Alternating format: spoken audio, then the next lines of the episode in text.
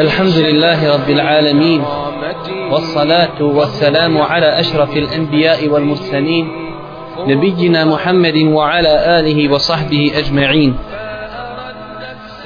Zaista svaka zahvala pripada uzvišenom Allahu subhanahu wa ta'ala. Donosimo salavat i selam na posljednjeg Allahovog poslanika, Muhammeda sallallahu alaihi wa sallam, njegovu porodicu, časne ashabe i sve one koji slijede na putu istine do sudnjega dana. Braću moja draga, ovo je naše treće predavanje u kojem govorimo o pravnim propisima vezanim za Kur'an ili Mushaf.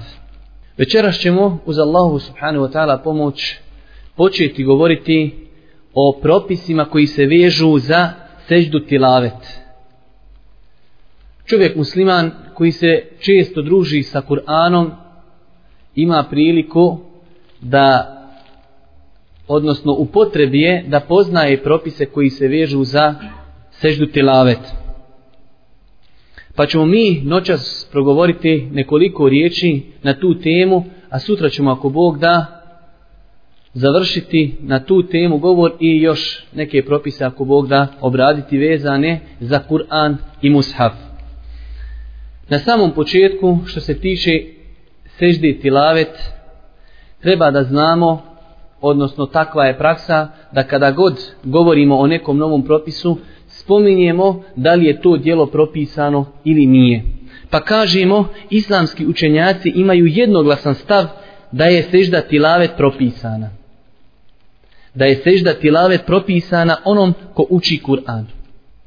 Znači prva stvar koju želimo rezimirati jeste da taj ibadet, sežda tilavet postoji u islamu i to po jednoglasnom stavu islamskih učenjaka. Za osobu o kom je govorimo ovdje, osoba koja uči Kur'an. Pazite, noćas moramo malo naprijegnuti naše razume. Kako ne bi pomiješali neke pojmove. Imamo pojam čovjek koji uči Kur'an. Imamo pojam čovjek koji sluša Kur'an. Došao je s ciljem da sluša Kur'an. I imamo treći pojam, to je čovjek koji čuje Kur'an. Šta znači čuje Kur'an? Nije došao s ciljem da sluša, već čovjek prolazi u međuvremenu, čuje učenje Kur'ana i čuje seždu tilavet. Znači, kada budemo govorili o ovim stvarima, morate voditi pažnje da ovaj ne bi pomiješali propise. Sada počinjemo govoriti o osobi koja uči Kur'an. Pa kažemo, islamski učenjaci imaju jednoglasan stav da je činjenje sežde tilavet propisano. Ali nakon toga su se razišli po propisu. Da li je ona obavezna ili je sunnet. Nakon što su zauzeli jednoglasan stav da taj ibadet postoji u islamu, a razišli su se na dva mišljenja kada čovjek uči Kur'an, da li je obavezan kada naiđe na mjesto koje je označeno seždom, da učini seždu ili je to pohvalno. Kada noćas ne bi naučili ništa osim ovaj propis, to bi bilo dovoljno. Jer ja sam ubježen, koga god sada da upitamo, je li to obaveza ili nije, bilo bi tu odgovora, ali ovaj polovični. Zato kažemo, islamski učenjaci po tom pitanju imaju dva mišljenja. Prvo mišljenje, mišljenje koje je zastupala većina islamskih pravnika, da je sežda tilavet pohvalna i nije obavezna. Većina islamskih pravnika zastupala je stav da je činjenje sežde tilavet pohvalno i da nije obavezno. Kada kažemo pohvalno i nije obavezno, ne kažemo ne treba je činiti. Već sada govorimo da li je to obaveza ili nije obaveza. Tog stava su bili Malikijska pravna škola, Šafijska pravna škola, Hambelijska pravna škola i Ibn Hazm, znači bukvalistička pravna škola. Četiri pravne škole od pet pravnih škola zastupale su stav da je činjenje tilave sežde za osobu koja uči Kur'an, sunnet i pohvalno. Normalno, za svoj taj stav donijeli su neke argumente. Vjerujte, braćo, kada bi ovim stvarima željeli govoriti baš u tančine trebalo bi nam mnogo vremena. Zato ćemo mi spominjati samo one najjače argumente i neke odgovore na te argumente. Prvi od argumenata i jedan od najjačih dokaza koji je iznijela ova skupina jeste hadis od Zaid ibn Sabita koji je zabilježio imam Buhari gdje kaže Zaid, učio sam poslaniku sallallahu alihi wasallame suru en neđm, pa nije učinio seđdu. Zaid ibn Thabit kaže u hadisu kojeg je zabilježio imam Buharija, učio sam poslaniku suru neđm, pa nije učinio seđdu. Prva stvar koju želimo spomenuti, da nema razilaženja da u suri neđm postoji seđda. Znači hadis u Buhariji postoji da je Boži poslanik sallallahu alaihi wasallame činio seždu u suri Neđm. Onda vidimo ovdje Zaid ibn Thabit negira to da je Boži poslanik sallallahu alaihi wasallame učinio seđdu i druga stvar nije, ni, nije naredio njemu kao kari učaču da uradi tu seždu. To je prvi dokaz koji ova skupina učenjaka navodi kao argumentat da to nije obaveza. Jer da je bilo obaveza, Boži poslanik bi kazao Zeidu učini seždu, a onda bi i on uradio. Ali vidimo da nije Boži poslanik uradio seždu, niti je uradio Zaid. Niti mu je, niti mu je naredio Boži poslanik sallallahu alaihi wasallam. I zaista je ovo jedan jak argument. Oni koji su zastupali suprotno mišljenje, odgovaraju na ovaj hadis pa kažu, ako je Zaid negirao to da je Boži poslanik u tom momentu uradio seždu, to ne znači da nije Boži poslanik uradio poslije seždu. Ali ovaj odgovor, kao što vidite, ovaj ima jednu dozu slabosti. Znači nije jak odgovor. Jer dok je Zaid negirao to da je Boži poslanik sallallahu alihi wasallame da nije uradio seždu, to znači da je on shvatio šta govori i šta negira. Također od argumenta koje oni koriste jeste hadis Talhe ibn Ubejdullaha koji je u Buhari i Muslimu. Poznat hadis, ali ga oni citiraju kao dokaz za ove stvari. Poznati hadis Talhe ibn Ubejdullaha koji u Buhari i Muslimu da je došao jedan beduin kod Božih poslanika sallallahu alaihi wasallame pa ga pita o islamu. Pa kaže Boži poslanik sallallahu alaihi wasallame pet namaza u toku dana i noći. Pa kaže ovaj beduin, a jesam li nešto više obavezan? Kaže, nisi osim nešto dobrovoljno.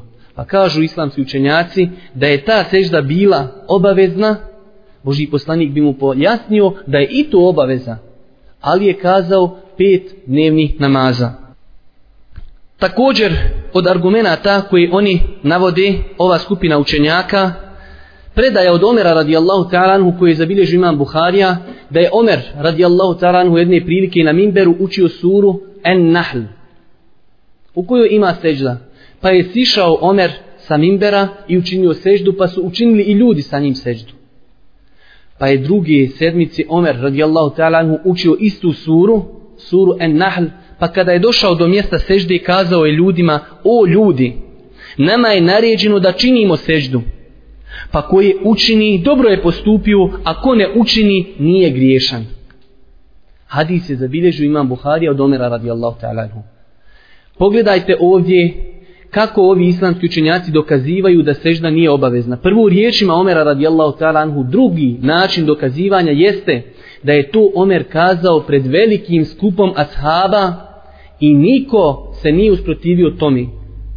Zato Imam Nevevi kaže ovo se podrazumijeva da su islamski učenjaci po tom pitanju imali, da su ashabi u to vrijeme imali konsenzus da ona nije obavezna, sežda tilavet. Jer poznato je, braćo moja draga, ashabi su bili takvi. Kada neko kaže nešto što nije u redu, oni će kazati kad bi glava otišla.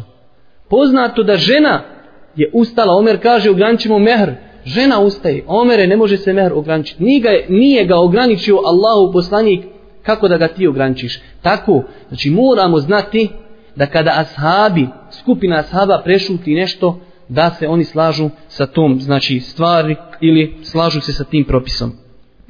Također od argumenta koji ukazuju na to da sežda tilavet nije obavezna, jeste da po velikoj većini islamskih učenjaka, a neki navode i konsenzus, sežda tilavet se može činiti na jahalici ili u prijevoznom sredstvu. A sjećate se kada smo govorili o namazu, kazali smo da se farz namaz ne može obavljati na jahalici. Tako da je far, od tilavet sežda bila obavezna i farz i važib, ne bi se mogla činiti na jahalici. Čak oni koji smatraju da je ona znači obavezna u tilavetu, oni dozvoljavaju da se čini na jahalici. To su argumenti prve skupine učenjaka, kazali smo to su bile četiri pravne škole od pet pravnih škola, šafijska, malikijska, hambelijska i Ibn Hazm bukvalističke pravne škole. Drugo mišljenje, učenjaci koji su smatrali da je sežda tilavet obaveza, vađib, tog stava su bili pravnici hanefijske pravne škole, jedan rivajet od imama Ahmeda i šehul Islam ibn Tejmije rahmetullahi alihi. Znači hanefijska pravna škola, jedan rivajet od imama Ahmeda i šehul Islam ibn Tejmije rahmetullahi alihi su smatrali da čovjek kada prouči ajet u kojem ima sežda, da je obavezan da učini seždu. Normalno, za svoj stav su donijeli i argumente, jer kako kazati za nešto da je obaveza ako ne postoje argumenti koji ukazuju na to. Prvo, oni to dokazuju riječima Allah subhanahu wa ta'ala u suri Al-Inshiqaq, koju mi svi, inša Allah, znamo, gdje kaže Allah subhanahu wa ta'ala فَإِذَا قُرِيَ عَلَيْهِمُ الْقُرْآنُ لَا يَسْجُدُونَ Kada im se Kur'an uči na tle licama, licima ne padaju. Znači, Allah Đelešanu govori o ljudima, kaže, pa kada im se uči Kur'an, oni ne padaju svojim licima na tle, ne čine seđdu. Pa, znači, pojašnjavaju ovi učenjaci ovaj ajet i kažu, Allah subhanahu wa ta'ala je ukorio spomenuti narod. A Allah Đelešanu ne kori svoje robove osim ako izostavi neki vađib. Allah Đelešanu ne kori svoje robove ako izostavi nešto što nije obaveza. A vidimo ovdje da Allah Đelešanu ukorio je ovaj narod zato što ne padaju svojim licima na seždu. Što znači, iz toga proizilazi da je činjenje sežde vađib, jer da nije bilo činjenje sežde vađib, ne bi Allah subhanahu wa ta'ala ukorio zbog toga što to nisu uradili.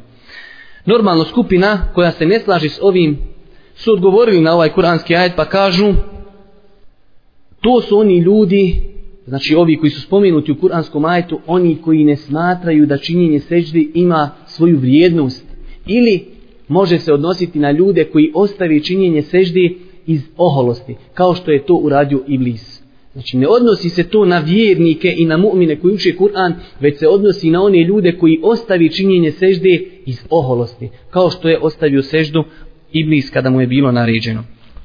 Također, od argumenata koje oni koriste kako bi dokazali da je činjenje seđde, tilave seđde obavezno, jesu riječi Allah subhanahu wa ta'ala, odnosno više kuranskih ajeta, ali ja sam samo spomenuo dva.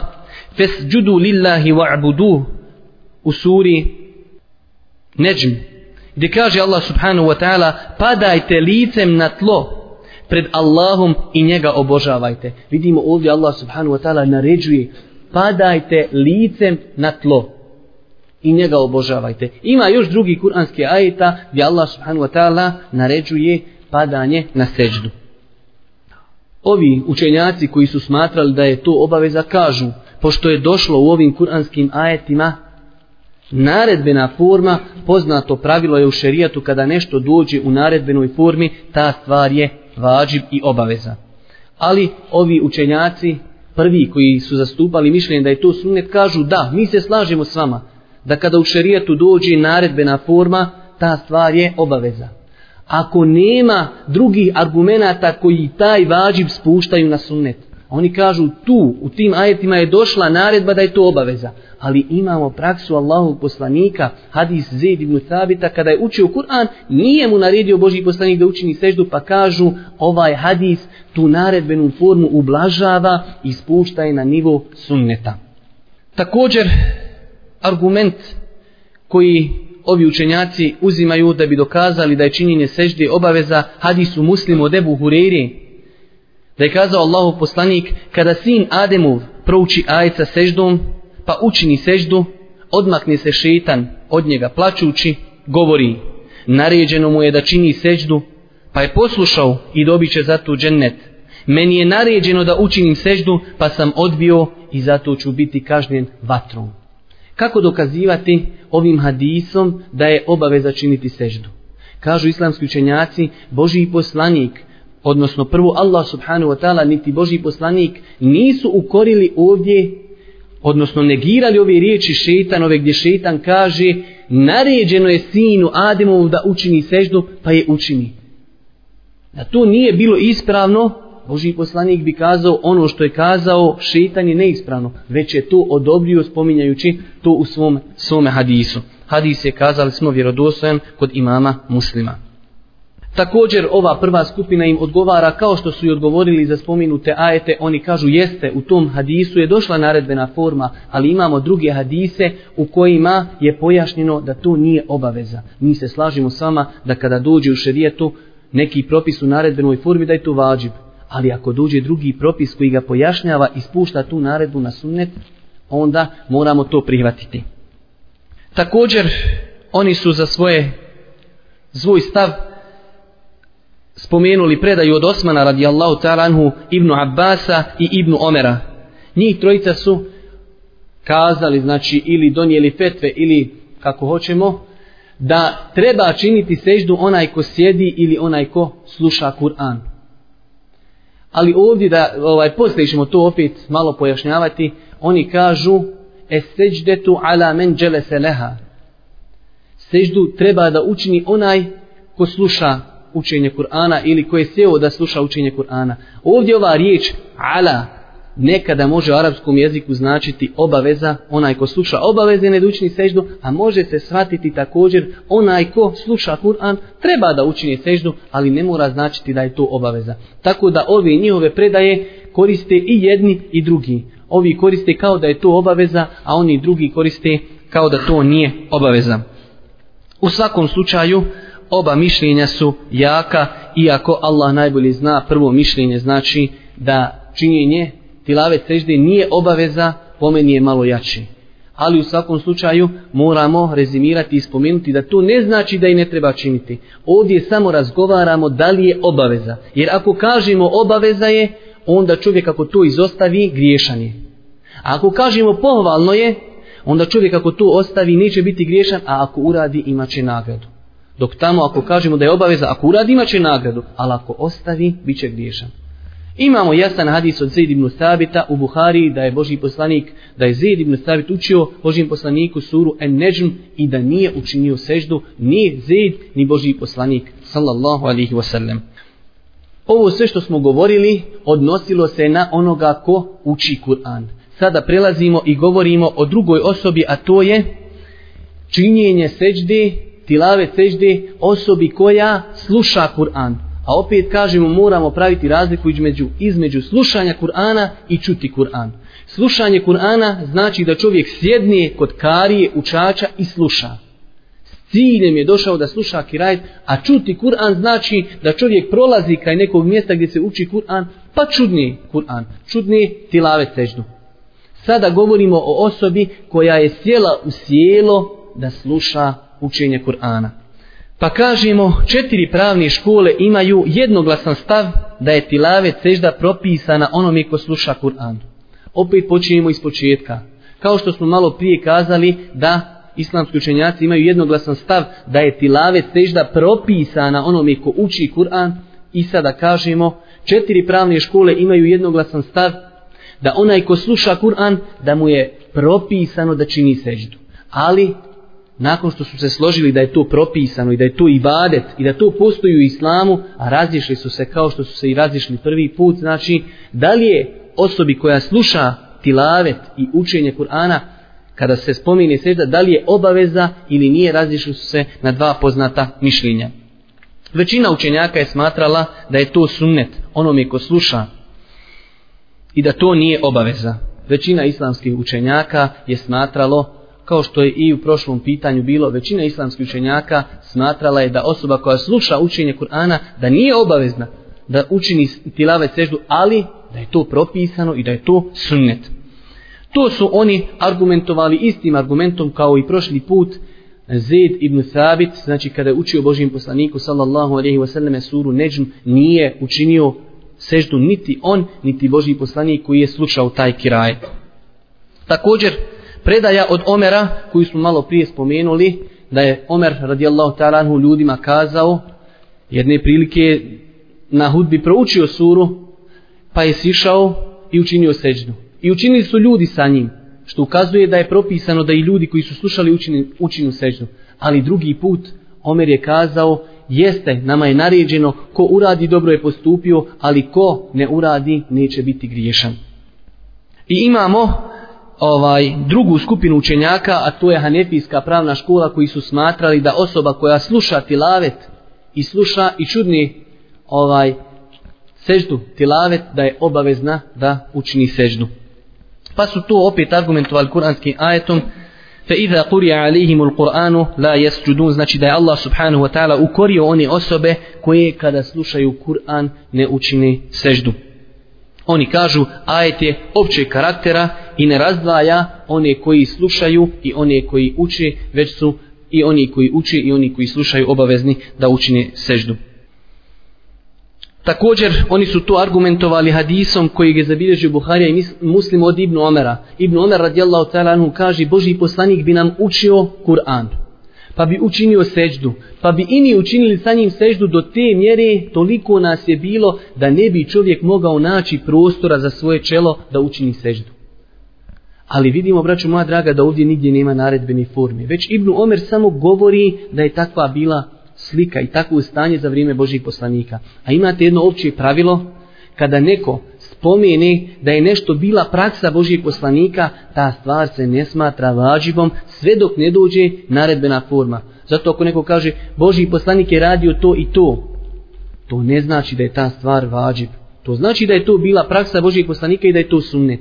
Ali da bi dokazao da je nešto obaveza, moraš doći sa drugim argumentom koji pojačava to. U ovom slučaju, znači ovdje vidimo samo da Ibn Omer prenosi kako je Boži poslanik učio Kur'an i oni, znači činio bi seždu i oni koji su bili prisutni sa njime činili bi seždu. Ali ovdje iz ovog hadisa ne možemo shvatiti da je to bila obaveza. Također oni su to argumentovali hadisom koji je zabilježio Ebu Davud, a vjerodostojnim ga je ocenio šeha Albani, rahmetullahi alihi, da je Boži poslanik jedne prilike učio dok je bio na Mimberi, pa je došao do ajeta u kojem ima sežda. Pa je sišao i učinio seždu, pa su učinili i ljudi sa njim seždu. Pa drugi put, kada je bio na Mimberi, učio je iste ajete, pa je došao do sežde. Pa je vidio ljude kako su se pripremili da učinu seždu. Da mu napravi prostor. Pa kaže Boži poslanik sallallahu alihi wasallame, a ova znači sežda spomenuta u suri Sad, gdje govori Allah subhanahu wa ta'ala o tome kako je Davud alihi selam učinio znači teubu pokajanje i pao na seždu. Pa kaže Boži poslanik, obraćajući se ljudima sa Mimberije, to je pokajanje vjerovjesnika, ali vidim da ste se pripremili, pa je sišao i učinio je seždu i učinili su ostali ljudi sa njim seždu. Vidimo da ovdje Boži poslanik znači jeste sišao, ali kao da opominje ljude kaže ja silazim samo zato što ste se vi pripremili. U svakom slučaju u prvom pitanju smo preferirali da nije obaveza onome ko uči Kur'an da učini seždu, već je to pohvalno i u ovom drugom pitanju po meni je mnogo preče da se preferira mišljenje ovaj da to nije obaveza činiti osobi koja sluša tilavet, ali u svakom slučaju da je to pohvalno i da je to ovaj bila praksa i Božijeg poslanika i da je to bila praksa ashaba, ali znači kazati da je nešto obaveza trebaju malo jači argumenti. Također od pitanja koja se vežu za tilavet seždu jeste jedno onako pitanje koje se rijetko spominje, ali znači kada govorimo o pitanju da čovjek treba da učini seždu kada sluša Kur'an. Islamski učenjaci su polemisali o pitanju ako ćeš činiti seždu za nekim koji je učio Kur'an, da li je uvjet ta osoba koja je učila Kur'an da može tebi biti imam u namazu? Pa su neki kazali, ako ta osoba koja uči Kur'an može tebi biti imam u namazu, onda treba da učiniš seždu. A ako ne može, ne trebaš. Dok vidjet ćemo da je velik broj islamskih učenjaka nije to uslovljavao. To je bio stav Hanefijske pravne škole, u jednom rivajetu stav imama Malika, Šafijske pravne škole i nekih učenjaka Hanbelijske pravne škole. Da nije uvjet, znači da nije uvjet da osoba koja uči Kur'an može tebi biti imam. Znači to oni nisu smatrali uvjetom. Neka pitanja koja su manje bitnija vidjet ćete, nećemo mnogo spominjati argumente, već ćemo preferi, e, ovaj, spominjati samo šta je smatrala većina islamskih učenjaka, pošto u dosta tih nekih pitanja ne postoje jasni argumenti. To su samo znači razumni dokazi, tako da dosta puta ćemo spomenuti samo ovaj stav većinskog dijela islamskih učenjaka. Također imamo sljedeće pitanje koje smo spominjali, a to je čovjek ako čuje samo učenje Kur'ana. Da li takva osoba, da li joj je propisan u osnovi da čini seždu? Čovjek je samo prolazio negdje, znači i čuo je da neko uči Kur'an. I baš je čuo, znači ajetu kojim ima sežda. Da li je propisano takvoj osobi da učini ovaj seždu? Velik broj islamskih učenjaka smatrao je da to nije propisano. Zbog riječi Osmana, radijallahu ta'ala, gdje je kazao, seždu treba da čini osoba koja je sjela da sluša Kur'an. Ko je sjeo, je stemio ila el Kur'an, ko sluša, ko je sjeo i došao je s ciljem da sluša. Vidite u ovom pitanju nema nekih jaki argumenta, znači hadisa ili kuranskih ajeta, već je to predaja od Osmana radijallahu ta'ala anhu, većina islamskih učenjaka je ovaj bila tog stava. Bilo je učenjaka koji su smatrali da je to obaveza, neki su opet smatrali da je to pohvalno, a neki su smatrali da je sunnet da učini seždu, ali to nije na nivou kao osoba, znači nije toliko jak sunnet kao osoba koja ovaj sjedi i sluša. Znači vidimo da nema tu nekih jakih argumenata, otprilike možemo kazati koje god mišljenje da čovjek uzme, inšala neće mnogo ovaj pogriješiti, jer nema nekih jakih argumenata za ove stvari. Pitanje, šta će čovjek kada čini tilavet seždu, šta će kazati kada bude činio tilavet seždu? Pa kažemo, četiri pravne škole imaju jednoglasan stav da je sunnet da čovjek kada čini tilave seždu kaže ono što govori kada čini običnu seždu, to jest seždu u namazu. Četiri pravne škole imaju jednoglasan stav da čovjek kada čini tilave seždu, od sunneta je da kaže i dovoljno je da kaže ono što govori kada čini neku drugu seždu, znači seždu u namazu. S tim što kažu od sunneta je također da doda na to ili da kaže neku dovu koja je prenesena od Božijeg poslanika sallallahu alaihi wasallam. Ja ću spomenuti samo dvije vjerodostojne dove. Prva dova od Aiše radijallahu ta'ala anha, znači hadis od Aiše koji je zabilježio imam Ebu Davud, a hadis je vjerodostojen. Kaže Aiša, poslanik bi govorio kada bi činio tilavet seđdu, سجد وجهي للذي خلقه وصوره وصوره وشق سمعه وبصره بحوله وقوته nije neka duga dova može se lako zapamtiti سجد وجهي للذي خلقه وصوره وشق سمعه وبصره بحوله وقوته također predaja od Ali radijallahu ta'ala anhu koju je zabilježio imam Ibn Mađe a predaje vjerodostojno kao što je to potvrdio Ših Albani, da je Boži poslanik sallallahu alaihi ve selleme govorio na seždi, kada bi go, e, činio tilave seždu, Allahumma leke seđetu wa leke eslemtu, ente rabbi seđede vajhi lilladhi šeqa sam'ahu wa basarahu, tebarakallahu ahsanul khaliqin. Također od pitanja koja ćemo spomenuti vežu se za tilave seždu jeste činjenje tilave sežde u prijevoznom sredstvu. Iako smo to malo prije spominjali, ali ovdje ćemo samo ukratko spomenuti da većina učenjaka je smatrala da se tilave sežda može činiti u prijevoznom sredstvu. Znači čovjek ako uči Kur'an u autobusu ili u autu i naiđe na mjesto gdje ima tilave sežda, može, dovoljno je, znači i dozvoljeno je da ih šaretom glave, znači uradi seždu i to je inša dovoljno. To je bio stav četiri pravne škole. Zbog predaje od Abdullaha ibn Omera radijallahu ta'ala anhu da je poslanik sallallahu alaihi wasallame godine u kojoj je osvojena Meka uč, učio ajet u kojem ima sežda pa su ljudi učinili seždu neki su to činili na jahalici a neki na zemlji hadis je zabilježio imam Ebu Davud, vjerodostojnim ga je smatrao imam Ezehebi i Hakim, a ših Albani je ovaj hadis ocijenio slabim. Znači ovaj hadis da je Boži poslanik godine kada je osvojena Meka učio ajet u kojem ima sežda, pa su neki činili seždu na zemlji, a neki na jahalici, U osnovi dokaz baš jest za ono što mi govorimo, ali je problem što oko vjerodostojnosti ovog hadisa postoji razilaženje među hadijskim učenjacima. Ali imamo predaje od ashaba, od Ali radijallahu ta'ala i Ibnu Zubeira, da su činili seždu na jahalici i šaretom. Također fetva od Ibnu Omera radijallahu ta'ala anhu da je dozvoljeno činiti seždu tilavet na jahalici i šaretom. Tako, zbog nepostojanja, znači, nekih vjerodostojnih argumenta čovjek može kazati na osnovu dijela ashaba da je ovo dijelo propisano i da je inšala dozvoljeno da se čini na jahalici.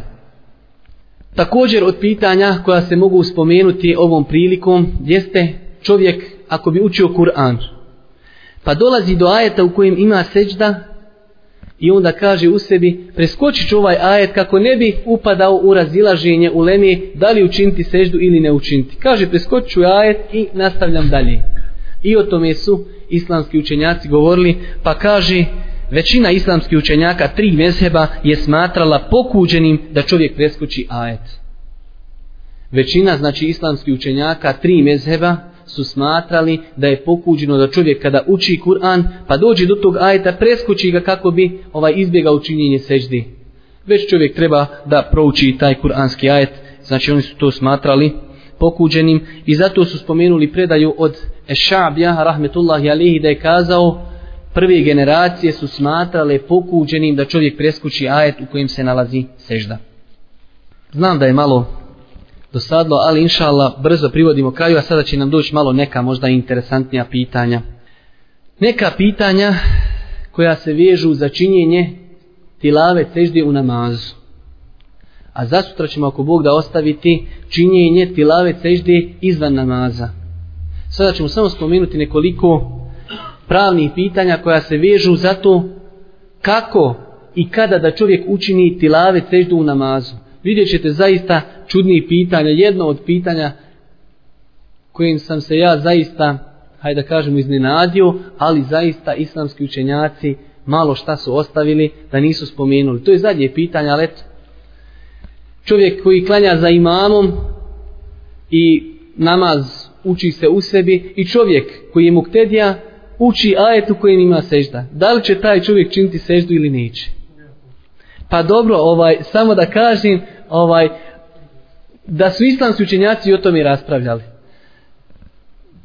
Eto, ima tako svakakvih pitanja. Dobro, pa kažemo, znači, od pitanja koja se vežu za činjenje tilave seždi u namazu, prvo pitanje, da li je u osnovi propisano da imam koji klanja ljudima uči ajete u kojima ima tilave sežda? Tog aspekta onda ćemo podijeliti namaze u dvije vrste. Imamo namaze u kojima se uči na glas i imamo namaze u kojima se uči u sebi. Pa onda prvo ćemo spomenuti da je velika većina islamskih učenjaka smatralo propisanim da imam uči ajete ili sure u kojima ima sežda ako se radi o namazu u kojim se uči na glas. Znači velika većina islamskih učenjaka Hanefijska, pravna škola Malikijska, Šafijska i Hambelijska smatrali su da je dozvoljeno, znači da je propisano da imam koji predvodi ljude u džematu kada klanja namaz u kojem se uči naglas kao što je Akšam, Jacija i Saba, da može da uči ajete ili znači sure u kojima ima sežda tilavet. To su argumentovali poznatim hadisem koji je u Buhari i Muslimu da je Boži poslanik sallallahu alihi wasallame petkom učio za Saba dvije sure i to je sada u velikom dijelu znači islamskog svijeta za, ovaj zastupljena je ta praksa da ljudi za sabah petkom uče dvije sure, znači na ovaj na namazu, seždu i el insan. Ovaj i te dvije sure su prenešene od božjih poslanika sallallahu alejhi ve selleme da ih je običavao učiti petkom na sabahu. A u tim surama postoji sežda, znači i to je argument da je dozvoljeno učiti ovaj sure u kojima ima sežda ako se radi o namazima kojima se uči na glas. Sada dolazimo do drugog pitanja. Također prenešeno je od Omera radijallahu ta'ala da je učio suru El Inšiqaq kada bi predvodio ljude u džematu. Također je prenešeno od Osmana radijallahu ta'ala da je i on učio ajete i sure u kojima ima sežda kada bi predvodio ljude u namazima u kojima se uči na glas. Drugo pitanje, da li je pohvalno ili da li je propisano učiti sure u kojima ima sežda ako se radi o namazu u kojem se uči u sebi i tiho. U ovom pitanju postoji jako razilaženje. Velika većina islamskih učenjaka je smatrala da je to pokuđeno. Velika većina islamskih učenjaka je smatrala da je pokuđeno da čovjek, ako je imam predvodi ljude u džematu, u namazu u kojem se uči u sebi, uči ajete i sure u kojima ima sežda. Oni kažu, takva osoba, ako uradi to, znači pred sobom ima dvije opcije. Ili da ne učini seždu, da ode na ruku, znači ili da je nikako da je preskoči, ili da ode na ruku, tada je znači izostavila ono što cijelo vrijeme govorimo da treba učiniti seždu. A može uraditi drugu stvar da učini seđdu, ali u tom slučaju znači može se napraviti velika pometnja u džematu, naročito ako ima znači, znači ženski dio džemata koji ne vidi imama. Tada znači imam odi na seždu, a neki ljudi koji ne znaju da je na seždi, oni su na ruku. Pa da, kada se on vrati, znači nastane velika ovaj zbrka u namazu. Tako da ovaj velika većina islamskih učenjaka je smatrala da je to pokuđeno. Imamo jedan dio islamskih učenjaka koji su smatrali da je to sunnet i to su argumentovali hadisom koji je zabilježio imam Ebu Davud, ali hadis je slab, da je Boži poslanik jedne prilike klanjao podni namaz, pa je znači učinio seždu, pa se vratio ovaj, pa je nastavio opet sa kirajtom, ali taj hadis je daif. Zato ovaj pomeni u svakom slučaju, iako nema nekih jakih argumenata po ovom pitanju, ali zasigurno ovo što su spomenuli, znači većinski dio islamskih učenjaka ima svoju težinu, ima svoje mjesto, ovaj naročito kao što sam kazao, ako postoji ženski dio džemata koji ne vidi imama, ovaj u tom slučaju zasigurno je mnogo preče da imam izbjegava učenje ajeta i sura u kojima ima sežda, ako je u namazu u kojem se uči u sebi. Dolazimo do toga kako čovjek da učini seždu u namazu. Pa počinjemo od samog početka pa kažemo četiri pravne škole imaju jednoglasan stav da je propisano donošenje tekbira pri odlasku na seždu i povratku sa sežde u namazu. Pazite dobro cijelo vrijeme govorimo o činjenju tilave sežde u namazu jer posebni propisi se vežu za seždu tilavet kada čovjek uči seždu tilavet izvan namaza. Zato kažemo četiri pravne škole su imale jednoglasan stav da je propisano čovjeku koji čini tilave seždu u namazu da donese tekbir, kaže Allahu ekber, odlazi na seždu i vraća se također donoseći tekbir.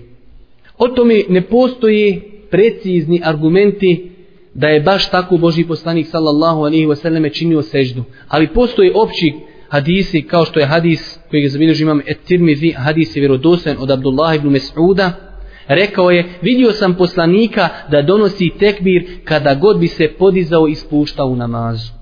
Ovo je hadis općeg karaktera koji se odnosi na namaz.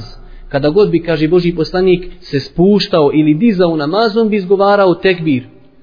Ali islamski učenjaci su pod ovaj opći hadis stavili i seždu tilavet i kažu u seždi tilave također ima spuštanje i vraćanje sa sežde pa su kazali znači jednoglasan stav četiri pravne škole da je propisano da čovjek kada čini seždu tilave da donese tekbir. Pitanje da li će čovjek dizati ruke prilikom činjenja sežde tilavet. Znači kazali smo propisano da čovjek kaže Allahu ekber. Ali postavlja se pitanje da li u tom tekbiru i dizati ruke. Velika većina islamskih učenjaka je smatrala da to nije propisano. Dok Ambelijska pravna škola je smatrala da je to propisano opet zbog općih hadisa gdje stoji da Boži poslanik kada bi se spuštao i kada bi se vraćao dizao je ruke u namazu pa su oni zbog tih općih hadisa smatrali da je to sunnet i kada se čini seždati lavet. Ja neću ovdje preferirati bilo koje od ovih mišljenja, samo braćo želim da imate informacije da znate da postoji razilaženje. Možda sutra vidimo nekoga čini seždu tilavet i diže ruke u namazu. A do njega čovjek ne diže. Da znamo da tva, ta dvojica ljudi, obojica imaju svoj selef. Neko koje je prije njih kazao to mišljenje. Da ne bi možda nekada reagovali na nečiji postupak, a možda taj postupak je i jači od onoga što mi praktikujemo. U svakom slučaju ove stvari lijepo je da čovjek poznaje kako sutra ako primijeti da neko praktikuje nešto suprotno od njega, da ovaj zna kako da reaguje. Također jedno pitanje koje je malo i čudno pitanje, ali nema smetnje da se spomeni, da li kada čovjek u namazu čini, znači prouči taj kuranski ajet ili suru koji ima sežda, da li može ruku zamijeniti seždu? Pa vidjet ćete čak i u drugom pitanju kada budemo govorili o tilave seždi izvan namaza ima pitanje da li čovjek može da uradi ruku i da je to dovoljno. Da uradi ruku i to je dovoljno. Da li je to? Po većini islamskih učenjaka ovaj ruku ne može zamijeniti tilave seždu. Ruku ne može zamijeniti tilave seždu. Jer to nije prenešeno od poslanika sallallahu alihi wasallame, niti je to prenešeno od ashaba da su znači činili ruku mjesto seđdi. Ali pogledajte zašto su se islamski učenjaci razišli. Imamo jedan dio islamskih učenjaka koji su smatrali da je činjenje rukua dovoljno kao zamjena za činjenje seđdi. Pa su to argumentovali riječima Allaha subhanahu wa ta'ala u Kur'anu وظن داود أن ما فتناه فاستغفر ربه وخر راكعا وأناب govori Allah subhanahu wa ta'ala o Davidu, Davudu alaihi salam pa govori kako je se pokajao Allah subhanahu wa ta'ala i kaže pao je na seđdu tako je u prijevodu kaže pao je na seđdu ali kada pogledate arapski tekst i možete i vi tu riješ primijetiti وَحَرَّ رَاكِعًا pao je na ruku rakian, ruku, to je riječ e, rakian, ruku. Pao je rakian, znači učinio seždu, ali Allah Đelešanu ovdje sad da vas to malo ne zbuni, znači kada čitate prijevod Kur'ana i pogledate tefsir, tamo ćete naći da je Davud ali selam učinio seždu. Ali Allah Đelešanu to njegovo stanje činjenja seždi opisuje riječima u kojima koristi riječ ruku. Na osnovu toga ovi učenjaci kažu, vidite ovdje Allah Đelešanu je spomenuo riječ ruku, što znači da je to dozvoljeno. Dok znači ova većinski dio islamskih učenjaka se nije složio s time, ako Allah Đelešanu nekim riječima opisuje nečije stanje, to ne znači da te riječi u stvarnosti imaju to svoje značenje, znači već treba pogledati tefsir i znači čak i u našem prijevodu kod Besima Korkuta stoji, on je preveo pa je Daud alaih selam pao na seždu. Nije preveo, otišao je na ruku, iako znači kada bi jezički gledali, ta riječ znači činjenje rukua. I zadnje pitanje, i time ćemo ako Bog da i završiti ove propise koji se vežu za činjenje tilave sežde u namazu, a sutra nas inšala očekuje zasigurno dosta lijepi stvari. Danas je bilo malo i neki koji nisu mnogo potrebne, ali lijepo je da čovjek poznaje stvari koji se vežu za Allahu subhanahu wa ta'ala vjeru. Sutra nas očekuje propisi koji se vežu za činjenje tilave sežde izvan namaza i uzet ćemo još nekoliko općih ovaj propisa vezanih za Kur'an. Primjera radi da li se čovjek može zaklinjati Kur'anom, da li se može prodavati Kur'an i tako još neki pitanja koja su zasigurno lijepa da ih poznaje čovjek musliman. Pa kažem ovo zadnje pitanje, ako bi čovjek bio muktedija i klanjao za imamom u namazu koji se uči u sebi, pa on kao muktedija prouči ajet ili suru koju ima sežda, da li će se odvojiti od imama i učiniti seždu ili neće, po velikoj većini islamskih učenjaka neće činiti seždu, već će se povoditi za imamom. Imam ako učini seždu i on će učiniti, ako ne učini, on će znači prijeći preko tog mjesta. To je bio stav većinskog dijela islamskih učenjaka, četiri pravne škole zbog hadisa Božih poslanika u Buhari i Muslimu. Innema džujlel imamu li ju'tenne bihi fe la tahtalifu alihi. Zaista je imam postavljen da biste se povodili za njim i nemojte se od njega razilaziti ili nemojte se od njega razlikovati. Iako je znači bio jedan mali broj islamskih učenjaka koji je zastupao mišljenje da će čovjek u toj situaciji učiniti seždu. Ali znači bez inšala imalo sumnje ovaj možemo kazati da je ovo mišljenje koje su zastupale četiri pravne škole jači zbog argumenata koje su naveli. Molimo Allah subhanahu wa ta'ala da nas poduči propisima naše vjeri. Molimo ga subhanahu wa ta'ala da nas učvrsti u ovim teškim momentima i molimo ga subhanahu wa ta'ala da nam bude milostiv na sudnjem danu. Na kraju subhanike Allahumma wa bihamdike šedu in la ilaha illa ente astaghfiruka wa atubu